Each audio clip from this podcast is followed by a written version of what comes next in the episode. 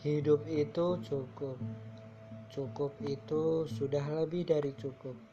Hal penting dalam kata cukup adalah sehat, bisa makan, bisa sekolah, dan punya waktu untuk keluarga.